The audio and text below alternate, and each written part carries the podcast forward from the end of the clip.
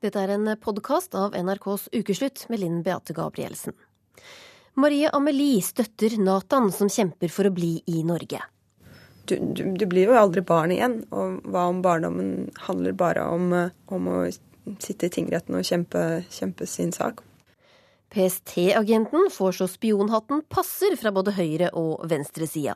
Han er en tyster som kaller seg agent, sier tidligere leder for Norsk forsvarsallianse, NDL.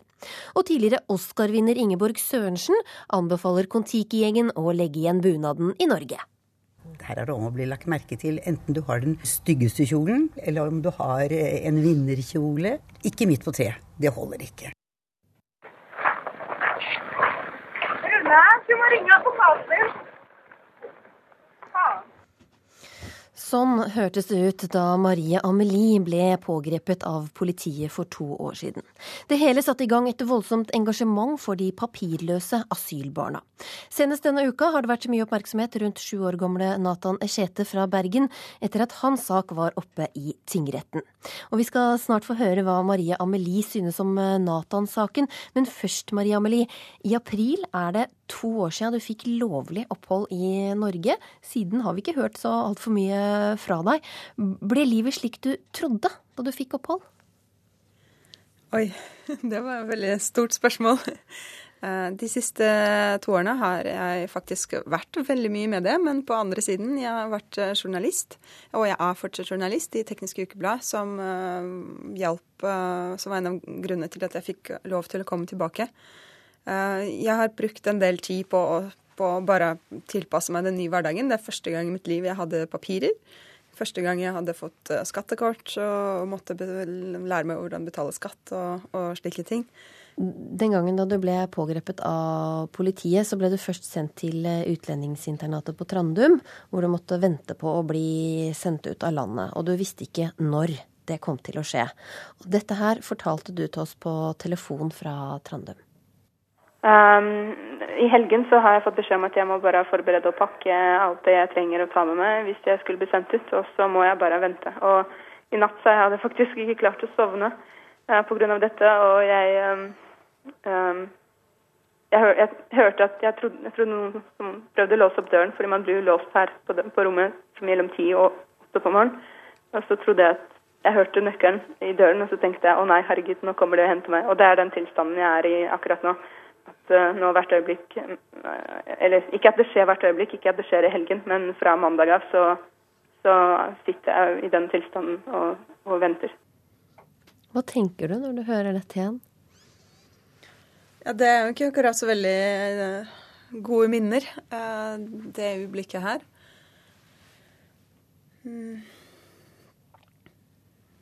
Det, det med Trandum var veldig, veldig sterk opplevelse. Det er jo et sted med veldig mange knuste hjerter og veldig mange uh, mennesker som ikke har det bra. Det, du var jo redd for å bli sendt tilbake til, til Russland og var redd for, uh, for, livet ditt, rett og slett. Hvordan, hvordan var det da, når du ble sendt dit? For meg så handlet det veldig mye at Selv om jeg prøvde å forklare, så var det veldig vanskelig å forklare, fordi det var også veldig mye at uh, Veldig mye den psykologiske redselen for, for, for, forandring og for uh, å reise tilbake til et sted som har bare vært forbundet med utrolig forferdelige minner. Det er kanskje føles som hvis, hvis, du har veldig veldig sånn flyskrekk, og så får du beskjed nei, du skal sette deg på flyet.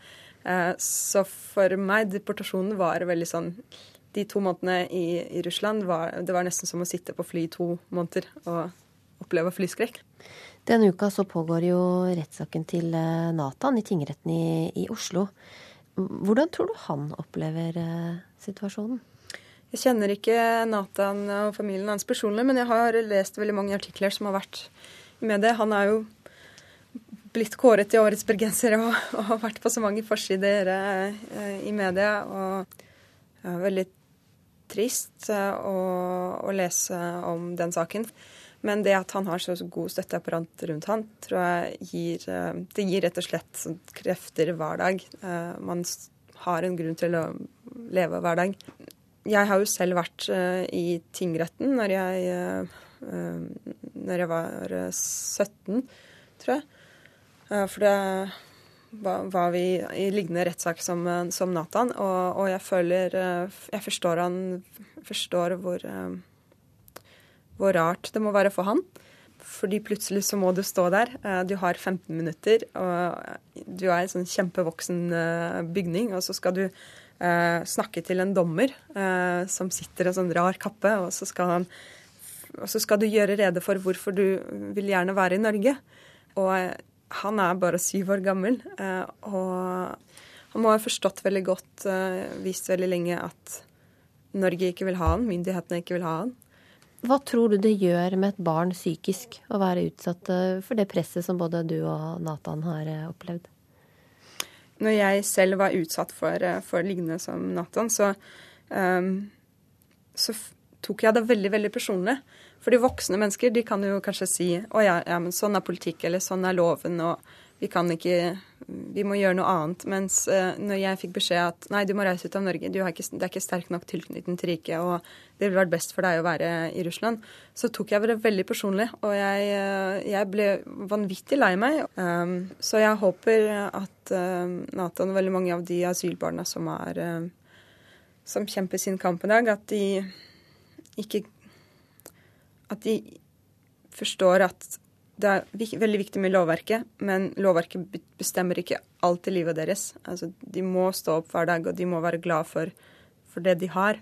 Eh, og håpe på at det kommer til å bli bedre, for det kommer til å bli bedre.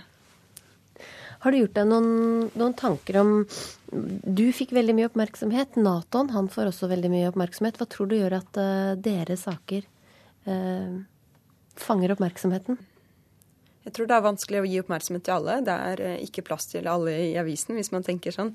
Eh, det er, eh, det er mange som har gode støttegrupper som ikke nødvendigvis er på forsiden av avisene, eller som ikke blir kåret til årets bergenser. I mitt tilfelle så har jeg hadde faktisk Jeg hadde skrevet en bok, så jeg hadde en hel lang fortelling um, som folk Og folk ønsket å lese denne boken. Det var mange som kjøpte boken. Eh, så da fikk man med en gang mye større kjennskap, bedre kjennskap til papirløse enn hvis man hadde uh, f.eks. Eh, hvis jeg hadde bare vært i en, artikkel i VG. Altså, du er jo bare et enkeltmenneske i, i, det her, men har du gjort deg noen tanker om hva, hva norske myndigheter bør gjøre? Jeg tror det å la høre mer på, på barn ville, ville gjort uh, Eh, det bedre. Eh, og jeg tror ikke man trenger å forandre så veldig mye, fordi loven er jo utgangspunktet bra.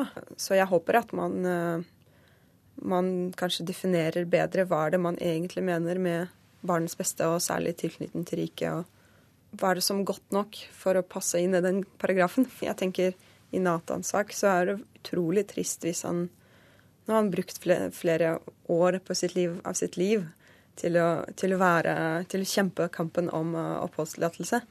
Altså, det er, det er viktige år i et, uh, i et ungt liv, da. Det er uh, du, du, du, blir jo aldri barn igjen. Og hva om barndommen handler bare om, um, om å sitte i tingretten og kjempe, kjempe, sin sak, og lov til å bare være den man er. Så er det også de som som sier at, eh, at, det er fare da, for at eh, foreldre vil utnytte barna sine på en måte, nettopp for å få bli i landet, hvis vi tar i bruk eh, de paragrafene. Hva tenker du om det? Ja, man har jo sagt det veldig mye at foreldrene skyver eh, barn foran seg. Men jeg tror mange av foreldra har havnet i Norge nettopp for å, fordi alternativet ville vært at barnet kunne bli skadet eller av krig eller andre ting. Hvor viktig tror du oppmerksomheten var for din sak? Um, jeg tror det spilte selvsagt veldig stor rolle. Og, og når i dag så kommer det bort mennesker til meg på gata og sier 'så bra du er tilbake', eller 'jeg har gått i demonstrasjon for deg', og så sier jeg tusen takk for det. fordi hadde ikke du gjort det, så hadde jeg ikke vært her i dag. Det engasjementet er bare helt fantastisk, og jeg er veldig klar over at hvis hadde ikke, hadde ikke det vært det, så hadde ikke jeg vært her. Da hadde jeg vært veldig mye mer lei meg.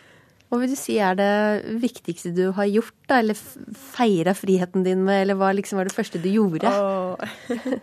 Det har vært selvfølgelig reiser, fordi jeg har, vært i, jeg har fått endelig besøkt Paris og besøkt New York. Men en av de mest fantastiske øyeblikkene i mitt liv var eh, når jeg reiste til eh, Vesterålen. fordi jeg har alltid drømt om å, om å, reise dit. Og så Jeg var der på, i forbindelse med jobb på sånn rakettskytefelt på Andøya. Og, og, så tok jeg Hurtigruten derfra til Bodø. Eh, helt alene. Eh, og bare sto ute hele tiden og tok masse bilder og, og var fullstendig eh, ja, ve ve veldig, veldig lykkelig for at jeg kunne, kunne, være der. Takk for at du kom til ukeslutt, Maria Amelie. Du er jo en av dem som har fått bli i Norge. Og en som måtte dra, det var deg, Maria Milenkovic. Etter tre år i Norge så ble familien din sendt tilbake til Serbia. Og nå er du 17 år og bor i Frankrike. Hvordan eh, går det med deg? Uh, det går bra. Hvorfor er dere i Frankrike nå? We're in France because uh, we cannot live in Serbia. As you guys know, we are from Kosovo, and then deport they deported us to Serbia, to a city that we don't even know. We are treated not the the good way, and in, in Kosovo it's not safe. So we got to go and search for a safe place to live. They different. They just don't. They just don't. They just don't like us. That's it. Maria sier her at eh, hun og familien er i Frankrike fordi de ikke kan bo i Serbia når de er fra Kosovo. Hun sier også at eh, familien ikke blir behandla pent i Serbia.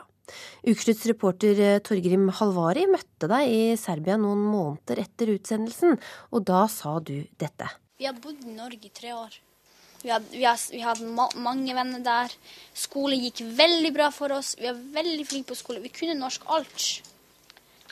Jeg bor i Serbia nå, så her er det ikke noen muligheter for oss.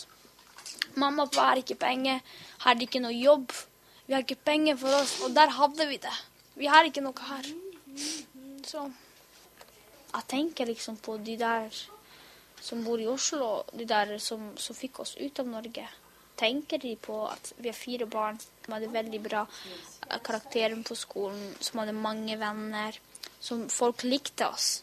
Som vi var veldig, veldig gode og så nære, og vi, ikke, vi var ikke slemme. Og så sendte de oss likevel ut. Mens de slemme får papiret, vi får ikke det. Jeg vet ikke hva som er galt med det. Ser de ikke, eller hva? Jeg skal lese fra en brev Skal vi se. Her er det fra Ida. Hun sier og skriver sånn her Går det bra?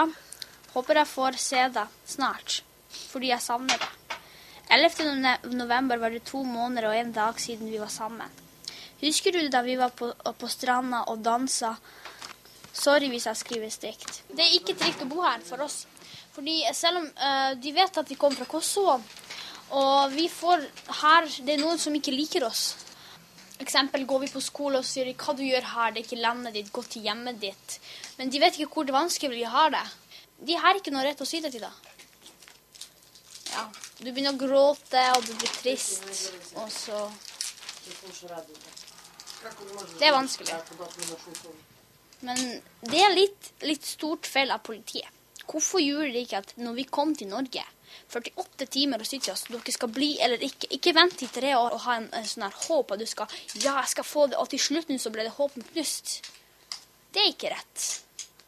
Og den, det er nå de sender oss, og det er enda en større feil, fordi de venter tre år. At vi skal ha en venner og ha, ha et nytt liv og begynne et nytt Og vi, vi, tenkte vi har en ny sjanse, vi har begynt et nytt liv. Men de tok det fra oss.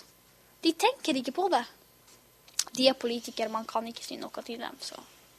Det er stort veldig de gjør Maria, her eh, snakket du norsk. Nå snakker du engelsk. Jeg snakket uh, norsk superbra. But uh, it's it's hard. It's very it's very hard, strange because Norwegian is a very nice language, and it's I cannot believe I forgot it like that. Hvordan er det å høre deg selv igjen for to år siden, og det du følte da? It's, it's hard to, to hear, to remember the moments that happened.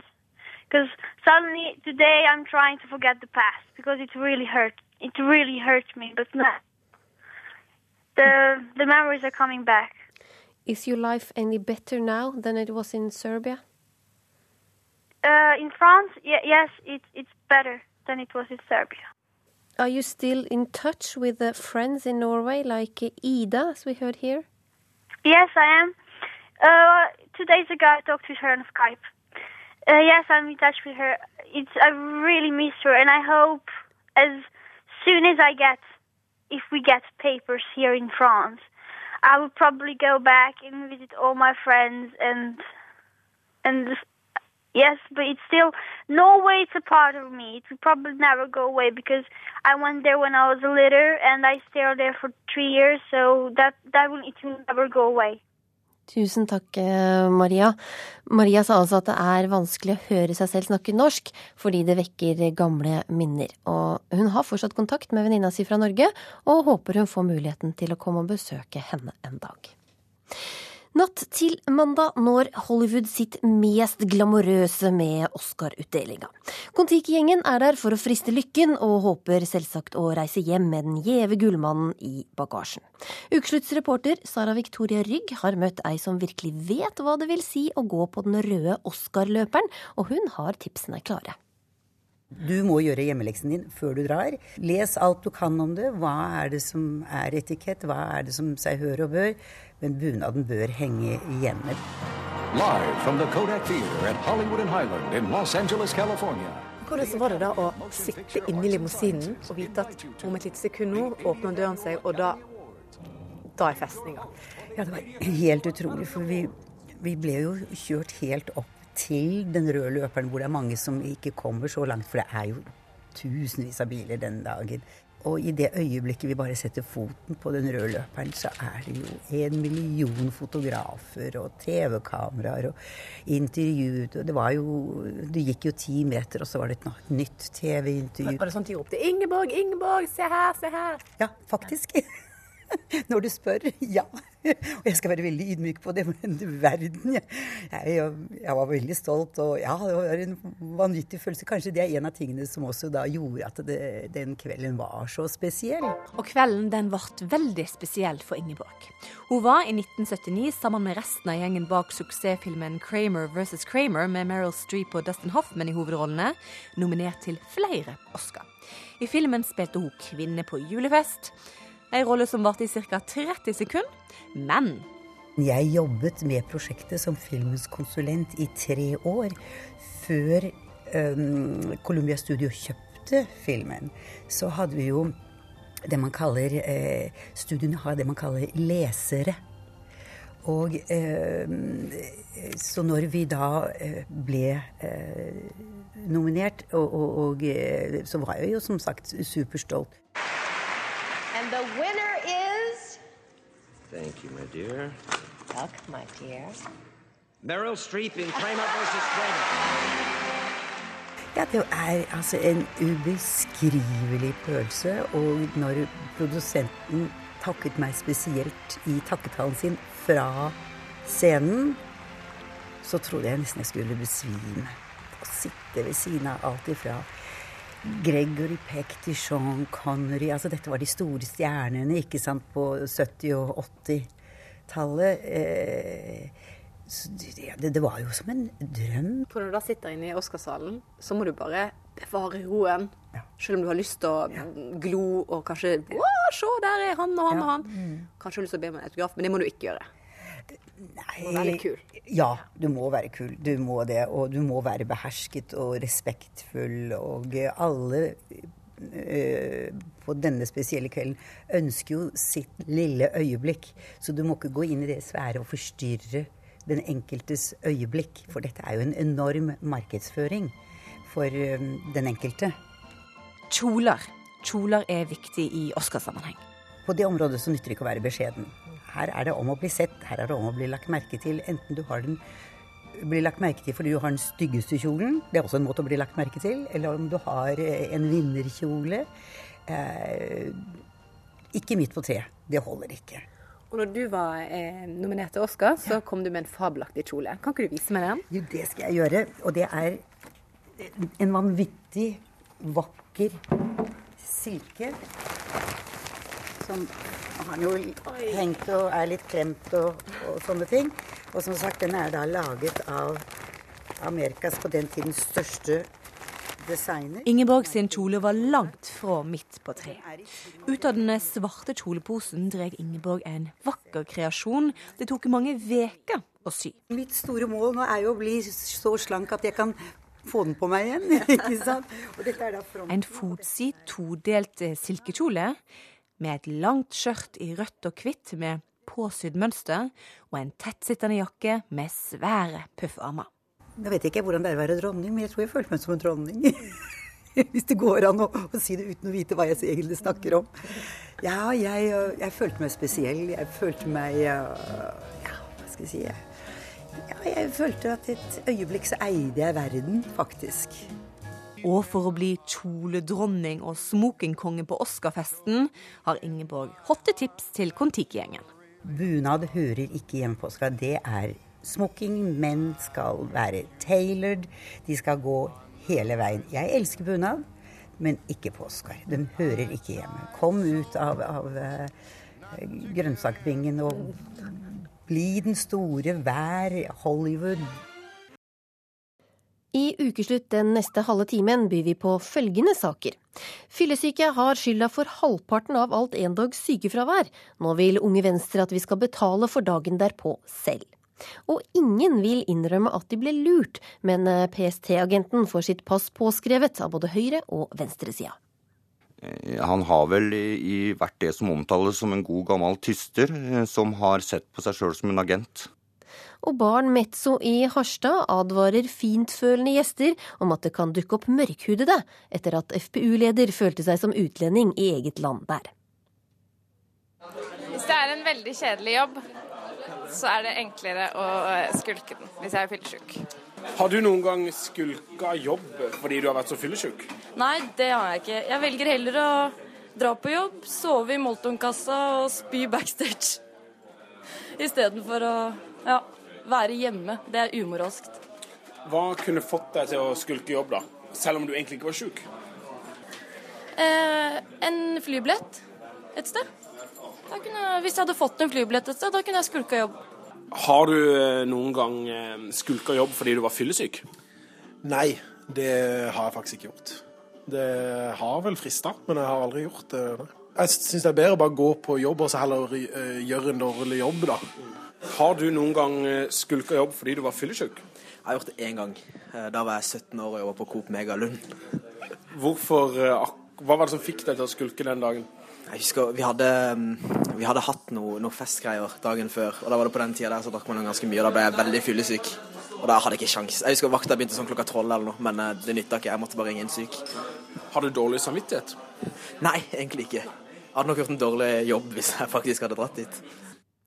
Ja, etter lønningspilsen eller annet festlig lag er det mange som faller for fristelsen til å holde seg hjemme fra jobb dagen etter. Man får jo likevel betalt om man tar en sykedag. Ifølge Statens institutt for rusmiddelforskning så er omtrent halvparten av alt endagsfravær såkalt alkoholrelatert, eller fyllesyke som det jo heter på godt norsk. Og leder i Unge Venstre, Sveinung Rotevatn, hvem syns du bør sponse fyllesyke? Jeg syns i alle fall at vi må ha en sykelønnsordning som sørger for det at vi tar vare på de som er syke og som er langtidssyke, men at eh, første dag når du er hjemme, så bør arbeidstaker være den som eh, tar den økonomiske kostnaden ved det. Annet fordi vi nå ser at det er veldig mange, opp mot 50% som jukser med systemet. Og det er veldig urovekkende. fordi dersom vi skal klare å ha oppslutning rundt en god sykelønnsordning i Norge, og folk skal føle at det er verdt å betale inn til systemet, så må vi bli kvitt jukset. Og når det er så mye som 50% så kan vi på en måte ikke bare lene oss på sånn som det alltid har vært. Da må vi vurdere å gjøre endringer. Og det ønsker vi å gjøre for å styrke sykelønnsordninga ved å ha gode ordninger for de som er langtidssyke, gode ordninger for kronikere, men å ha eh, to karensdager de første dagene en er syke, bl.a. for å bli kvitt alt jukset vi ser. Så de to første dagene må folk flest, folk selv betale. Anette Trettebergstuen, du sitter i arbeids- og sosialkomiteen for Arbeiderpartiet på Stortinget. Og fyllesyke det koster samfunnet 12 milliarder kroner i fravær og redusert effektivitet. Hvorfor skal alle skattebetalerne ta denne regninga? Altså, jeg er opptatt av å få ned alt sykefraværet. Når vi snakker om det egenmeldte sykefraværet som, som, vi her snakker om i dag, så har det vært relativt stabilt siden 1978. Det er på 1,5% Det er likevel eh, for høyt, for det kan gå ned. Og vi er nødt til å se på hvordan vi kan få ned det fyllesykefraværet. Men løsningen er ikke, som Venstre her drar opp, å, å sende regninga til alle de som faktisk er syke. Eh, og som eh, ikke, eh, som meg og Rotevatn, har godt betalte jobber og sofa på kontoret, men som må gå på jobb, og som ikke har råd til å være hjemme i to dager. For veldig mange familier så er det å gå sjuk hjemme, to dager uten lønn. Eh, det får drastiske konsekvenser. Så her er altså eh, Venstre igjen ute etter å kollektivt avstraffe alle sjuke for å, å, straffe noen skulkere. Og det mener ikke vi at det er veien å gå. Forslaget om karensdager er et, et gammelt, utdatert forslag. Forskerne eh, sier at eh, det får negative konsekvenser. Det fører til at mange går sjuke på jobb, og dermed kan langtidsfraværet øke. Eh, så det er et dårlig forslag. Og når Venstre sier at de ønsker å bruke de pengene penger på å styrke sykelønnsordningen, så er det feil. For de foreslo i budsjettet for i år store kutt også for de langtidssykemeldte. Rotevatn, er det riktig at alle skal svi fordi noen jukser? Nei, nå må jeg for det første få lov til å presisere at jeg er unge Venstre-leder, og som unge Venstre-leder så er jeg verken godt betalt jobb eller sofa på kontoret, i motsetning til eh, Trettebergstuen. Men eh, det som er poenget, eh, fra vår side i alle fall, er at dersom vi skal klare å ta vare på de som trenger det aller mest. Dersom vi skal kunne ha en bedre ordning for de som er uføretrygda f.eks., slik Unge Venstre vil, så er vi nødt til å gjøre noen endringer i systemet. Og vi vet det at når 50 eh, jukser med korttidsfraværet den ene dagen, så er det veldig uheldig for oppslutninga rundt det som er en viktig ordning for veldig mange. Men da må vi våge å se på hvem er det som virkelig trenger hjelp, og hvor er det vi skal sette inn de store pengene. Jo, det er f.eks. gjennom å skjerme de som er kronikere, og som har høyt sannsynlighet for å være syke i mange korte perioder. Det å sørge for å verne om de som er langtidssyke utover ett år. Men det er ikke å bruke 12 milliarder kroner på at folk som er fyllesyke, ikke er på jobb. Folk må gjerne la være å gå på jobb hvis de har vært på fylla, men det trenger ikke fellesskap være med å betale. Fordi at det som må være et grunnleggende prinsipp i systemet vårt, er at det skal lønne seg å jobbe. Men det vil jo også ramme de som faktisk er syke, da, fra dag én? Nå eh, sier jo jeg da at vi må ha gode ordninger som eh, skjermer de som er reelt syke, og særlig de som er kronikere. Det er f.eks. de som har kroniske sykdommer, og som eh, har stor sannsynlighet for faktisk være syke og har korttidsfravær. Og så er det slik at fra dag to eller dag tre så skal fellesskapet steppe inn og hjelpe deg og ha gode ordninger. Men det fellesskapet og den oppslutningen rundt den ordninga kan fort forvitre, og det er det jeg er bekymra for.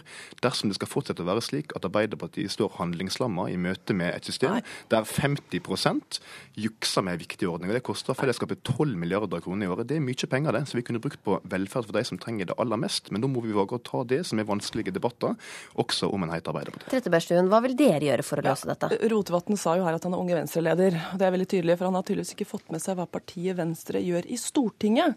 Én eh, ting er dette forslaget om at eh, vi skal selv betale vårt eget sykefravær i to første dagene, altså gå på jobb uten lønn. Eh, I budsjettet eh, for i år, altså så sent som i desember, så foreslo Venstre i Stortinget at eh, det året du kan være sykemeldt, så skal du kun ha 90% utbetalt. Altså det er et stort kutt til de langtidssykemeldte. I tillegg så foreslår Venstre at man skal gå fra å kunne ha tolv måneder med, full, med, med 90% sykelønn til elleve måneder. Så det er ikke slik at Venstre ønsker å, å styrke eh, ordningen for de langtidssykemeldte. Dette betyr et massivt kutt for alle. Og I tillegg så er det en kollektiv avstraffelse fordi at noen skulker. Det mener vi at er en dårlig løsning, fordi langtidssykefraværet er det fraværet som er høyt i Norge. Men hva vil gjort, dere gjøre ja, med endagsfraværet og fyllesykefraværet? Jeg tror at det handler, det handler om holdninger, selvfølgelig. Eh, jeg opplever at eh, partene i arbeidslivet, arbeidsgiverne, eh, gjør gjør masse godt arbeid eh, på dette feltet her. Vi hadde en kampanje i fjor. Eh, det er et ledelsesansvar. Man må skape en god kultur på arbeidsplassen. Arbeidsgiverne har også eh, plikt til å snakke med de ansatte dersom man mistenker at det er mye, mye skulk. Og man har også krav på å, få dokumentert fravær. Og jeg opplever at det finnes enormt mange arbeidsgivere som ved holdninger og, og kulturarbeid klarer å, å, endre dette her. Men løsningen er altså ikke å svekke bruke sykelønnsordningen fordi at noen jukser. Vi har siden 2005 innført en rekke tiltak gjennom en ny avtale om inkluderende arbeidsliv som har fått sykefraværet til å rase ned. Vi har det laveste sykefraværet på tolv år nå, og det går stadig nedover. Det klarer vi ved å ta andre grep enn å kutte i sykelønnsordningen. Men denne debatten viser jo også det at eh, får vi en annen regjering bestående av Venstre, Høyre og Frp, så er sykelønnsordningen trua. Har vel Høyre og Frp omtrent nøyaktig den samme tilnærminga til det her som Arbeiderpartiet har. Og jeg tror at ei sykelønnsordning som er verdens beste, kommer til å være trygt ivaretatt i Norge, uh, uavhengig av hvem som styrer. Men det må være mulig å gjøre noen smarte tilpasninger. Fordi når vi vet det, at én av 20 kroner som vi uh, tjener og jobber for i Norge, én av 20 kroner går til sykefravær og til førtidspensjonering, og det er det høyeste i den utvikla verden, så er det noe som dessverre Men, kan være en utfordring på lang sikt. Det var nettopp det blant annet sentralbanksjefen pekte på i forrige uke, at det må lønne seg mer å stå i arbeid, og det må lønne seg mer å gå på jobb. Og så skal, ha, skal vi ha gode ordninger for de som er reelt syke, for de som er kronikere, for de som er langtidssyke, og ikke minst for de som er uføretrygda. Trettebergstuen, hvor, hvor, eh, hvor mange tror du kommer til å gidde å komme på jobb på mandag, når du nå går ut og sier at eh, velferdsstaten må betale for eh, fyllesyke nordmenn Nei, folk, også? Folk skal gå på jobb på, på, på mandag, uh, og det, det, er jo selvsagt. Men det er jo ikke de syke som skal ta regninga og måtte gå på jobb sjuke fordi at noen skulker. Det blir helt feil. Eh, jeg kunne ønske at eh, Unge Venstre var litt mer opptatt av å være med å diskutere hvordan vi kan få ned det sykefraværet som reelt sett koster de enkelte og bedriftene og samfunnet de store penga. Det er langtidssykefraværet. Eh, der opplever jeg at Venstre er motarbeider det arbeidet som regjeringa gjør, og som har ført til at vi har det laveste sykefraværet på tolv år. Og vi har tenkt til å la vårt lille folkelige panel få siste ord i denne debatten. Hva syns du om følgende idé? Eh, ingen sykepenger første da man er syk, for å sørge for at folk ikke skulker jobben bare fordi de er litt fyllesyke. Jeg syns det høres ut som en veldig bra idé. Eh, jeg vet ikke om Ja, jeg vet det hadde vært gøy å sett om det var grunnen til at folk ikke gikk. At eh, de visste at de fikk penger for det uansett. Mm. Syns du det er et poeng det at man f.eks. ikke skulle få sykepenger første da man er syk? Nei. Men du tror ikke det, du tror ikke det er mange som Du tror ikke det er mange som liksom spekulerer litt i dette, da? Men da syns jeg man er inne på den samme diskusjonen om at ja, ja, alle som er på Nav, burde aldri fått penger. Eh, da blir det samme type holdning, at man skal straffe alle fordi at noen idioter har svak moral. Og det, det syns jeg er urettferdig. Og Ukeslutts reporter, reporter som fikk seg en tur på fest, var Steinar Solås Suvatne. Politiets eh, sikkerhetstjeneste infiltrerer fortsatt venstreradikale miljøer. Det kom fram i Brennpunktet denne uka, hvor eh, Christian Høibø sto fram som PST-agent. Høibø har i ti år vært infiltratør og jevnlig rapportert til Politiets sikkerhetstjeneste, noe PST selv bekrefter. Hvordan føles det så å bli overvåka av en du trodde du kjente? Ukeslutts reporter Kari Li møtte Høibøs tidligere kampfeller for å sjekke hvordan de takler sviket. Se for deg en agent. Han er høflig og diskré. Kanskje damenes mann, men det var før. Dette er ikke en krig for å frigjøre et folk, dette er en krig for å okkupere et land som har ressurser USA har lyst på! Dette er en av vår tids virkelige agenter. Oslo politivest er et latterlig er en latterlig greie. Rest in piss. Fuck it. Christian Høibø, tilsynelatende sint på politiet. Tilsynelatende en venstreradikal aktivist som viser fingeren og lager bråk. Samtidig som han fòrer PST med informasjon. Om eh, både antall demonstranter, hva de planla helt konkret, hvem de møtte, hvordan humøret i gruppa var. Etter ti år som infiltratør for PST røper han alt og sier opp jobben. Hvordan oppleves denne avsløringen i Brennpunkt for de som ble ofre for dette spillet? At han du trodde var med deg, egentlig motarbeider deg? Jeg tar taxi østover, forbi Blitzhuset i Pilestredet, hvor Høibøs svik møtes med taushet, rettere sagt medieboikott. Kari? Akbar. Jeg ble ikke veldig overraska. Det ble ikke. Øyvind Akbar Grande har mørke klær, halvlangt hår samla i en liten knute bak på hodet, langt bukkeskjegg, ring i nesa og skjerf rundt halsen. Eh, samtidig så så, så bekrefter det jo på en måte hvor langt eh, PST er villig til å gå for å, for å stoppe folk som eh, driver med liksom antikrig eller kjemper for en bedre verden. Artisten Grande kjenner Blitz og internasjonale sosialister godt. Sjøl var han videoaktivist i kollektivet Spis de rike. Jeg er sånn at Han påstår at de skal til den britiske ambassaden for å drive ja, hærverk. Det er jo for så vidt eh, Kan du jo si å male antikrigsslagord er jo en slags form for hærverk, men eh, Spis de rike filma infiltratøren Chris Høibø ved flere anledninger. Noe av det kan ses i tirsdagens dokumentar. Nå prata jeg akkurat med hun som filma det her, da. Hun sa at hele veien oppover så var liksom Chris skulle eh, plukke opp eh, steiner og liksom var oppført seg ordentlig som en provokatør, da, mens de andre som var med på denne aksjonen, bare nei, slapp av, liksom, ta det rolig, det er liksom ikke det vi skal. da. I dokumentaren forteller Høibø hvor krevende det var å være agent for PST. For å kunne holde på å gjøre dette i ti år, så skal du være skummelt flink til å sjonglere personligheter. Eh, Så eh, evnen til å, til til å føre et regnskap over egne løgner Det var ikke noe vanskelig å infiltrere oss sånn sett, fordi at vi var eh, helt åpne for alle som vel var med. Så eh, vi kunne ikke liksom eh, nekte han fordi om vi syntes han var litt grunn politisk, da. Fikk han innpass blant de som på en måte var lederskikkelser? Han var aldri noen aktuell kandidat for noe ledelse eller sånn, da.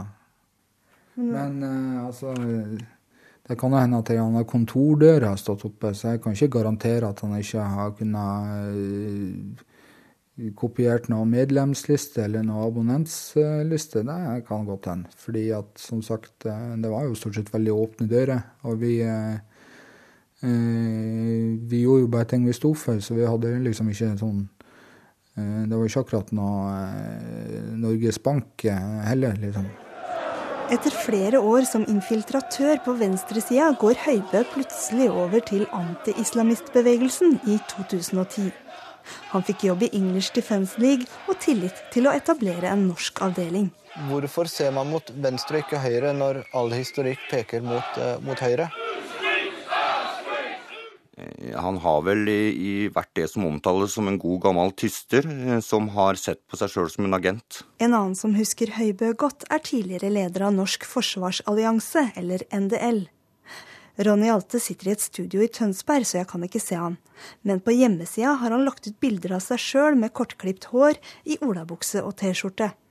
Alte mener Høibø blåser opp sin egen innsats for PST.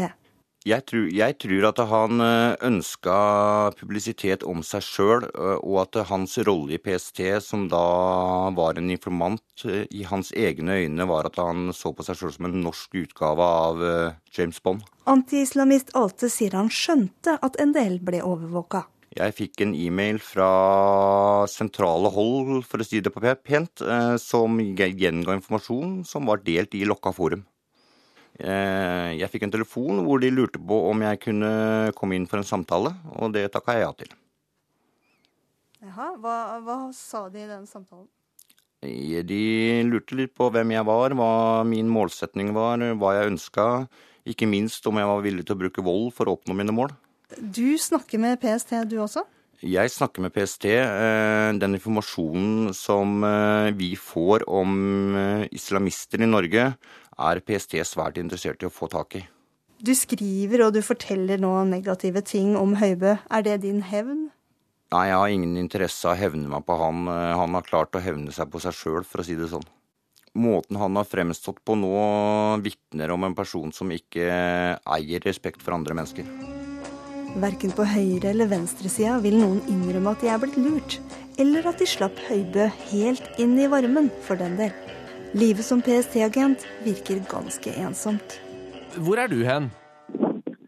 Eh, Ja, jeg er litt her og der. Jeg er ikke hjemme, for å si det sånn. Her snakker Høibø ut i P3 fra sitt hemmelige skjulested. Eh, veldig mange nå i disse dager eh, påstår jo at jeg har vært eh, skal vi si, ekstremt oppmerksomhetssøkende, eh, PR-kåt, Eh, Og, og altså Man skal ha respekt for at det, det kan virke sånn, men jeg ønsker jo først og fremst å skape en debatt rundt saken. Altså hvordan PST opererer, hvem de ser på, hvordan de verver kildene sine.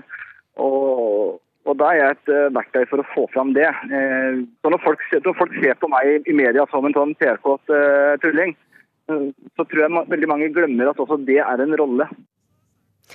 Og verken Christian Høibø eller PST har villet kommentere denne saken, men PST sa tidligere denne uka til NRK at de har kilder i flere miljøer, og at de er avhengige av kilder for å redusere trusselen fra disse miljøene. Hele asylmottaket okkuperer Metso i Harstad når det er fotballkamp. Å føle seg som innvandrer i eget land er ikke morsomt. Det kvitret lederen av FPU Troms tidligere denne uka, etter å ha forlatt puben under fotballkampen. Også Per-Willy Amundsen i Frp sier at han ville gjort det samme, fordi han er bekymret over at asylmottaket i Harstad er plassert midt i sentrum. Ukesluttsreporter Martin Mortensen dro på Metso for å kjenne på stemninga der. Fotballen eh, forener jo hele verden, så det, sånn er det bare. Og det må man bare godta. Så fotball forener verden, og da burde jeg også kunne forene folk på Metso. Ja, det syns jeg. Nei, man må kunne se fotballkamp uten å bry seg om hvem som ser den sammen med deg. Hva hadde du gjort hvis du hadde vært på stadion og sett den? Du, hva du heter du? Sosit Fouad. Ja. Du er sjøl eh, mørkhuda. Ja. Og når du hører om at nordmenn forlater et utested for at det er for mange utlendinger, hvordan reagerer du på det? Det er ras, ras, ra, rasistisk. Jeg kan, jeg kan gjøre som du gjør, ikke sant? Eh, Bjørn Arnesen, du er daglig leder på Metso. Du har gitt et svar på eh, Twitter-meldinga til Fremskrittspartiet ungdomslederen. Ja, jeg skrev bare en kommentar for Jeg advarer fintfølende gjester om at det kan eh, dukke opp høytvoksende, mørkhudede gjester på Metso i helgen. Og i verste fall så de, uh, har de også en annen dialekt. Men hva hadde Harstad Vikings vært uten dem? Så vi ønsker alle velkommen til basketfest på Metso i helga. Og da mener vi alle sammen. Da får vi tro at også Frp-ere er invitert til Metso i helga. Partiet fikk i hvert fall invitasjon til å komme til ukeslutt, men det takket de nei til. Men for å få opp den gode stemninga igjen, dro reporter Børte, Børre Karterudseter en tur til bygda som har blitt trukket fram som selve kroneksempelet på god integrering. Folk kom og hjalp oss, med det meste. og Jeg var tolv år gammel da jeg flytta opp hit. da. Og Da ble jeg tatt imot. Jeg gikk på skolen og spilte fotball og fikk kamerater med en gang. og ja. Ikke noe problemer med mobbing og sånne ting? Nei, jeg har aldri hatt det. det. Det er ikke. I 1994 kom Hidayet og Adis Smajic, far og sønn, som flyktninger fra det borgerkrigsherjede Bosnia. Nå står de bak kjøttdisken på Spar på bygdas kjøpesenter Haukelitunet. Med hvite luer, dresser og tynne latekshansker forbereder de seg på at fastboende og vinterferieturister skal gjøre helgehandel. Ja, vi er kjempefornøyd. Ja, nå er det kø snart foran kjøttdisken her, så nå må dere sette i gang her, tror jeg. Ja, det kommer kunder og ja. En snau kilometer vestover langs E134 ligger konkurrenten til Spar, Joker Haukeli. Her har Arif, en slektning av Hidayet og Adis, arbeidet ti år som butikksjef. Vi var jo en av de første flyktningene som kom her i Haukeli. De var sikkert litt skeptiske til utlendinger, men uh, de begynte å like oss. Og det er slik det skal være, liksom. Hva er ditt råd til uh, flyktninger, innvandrere som uh, kommer til bygder i utkantstrøk? Nei, det som er jo det viktigste faktisk er jo å lære litt språk. Og komme i arbeidslivet. At folk begynner å kjenne deg. Og her på tampen så nevner vi at det ble firedobbelt norsk til VM-jentene. Marit Bjørgen tok gull foran Therese Johaug i skiaton. Ansvaret for denne podkasten av Ukeslutt hvilte på Ida Tune Ørritslands skuldre. Finn Lie hadde det tekniske ansvaret, og ansvaret her i studio hadde jeg, Linn Beate Gabrielsen.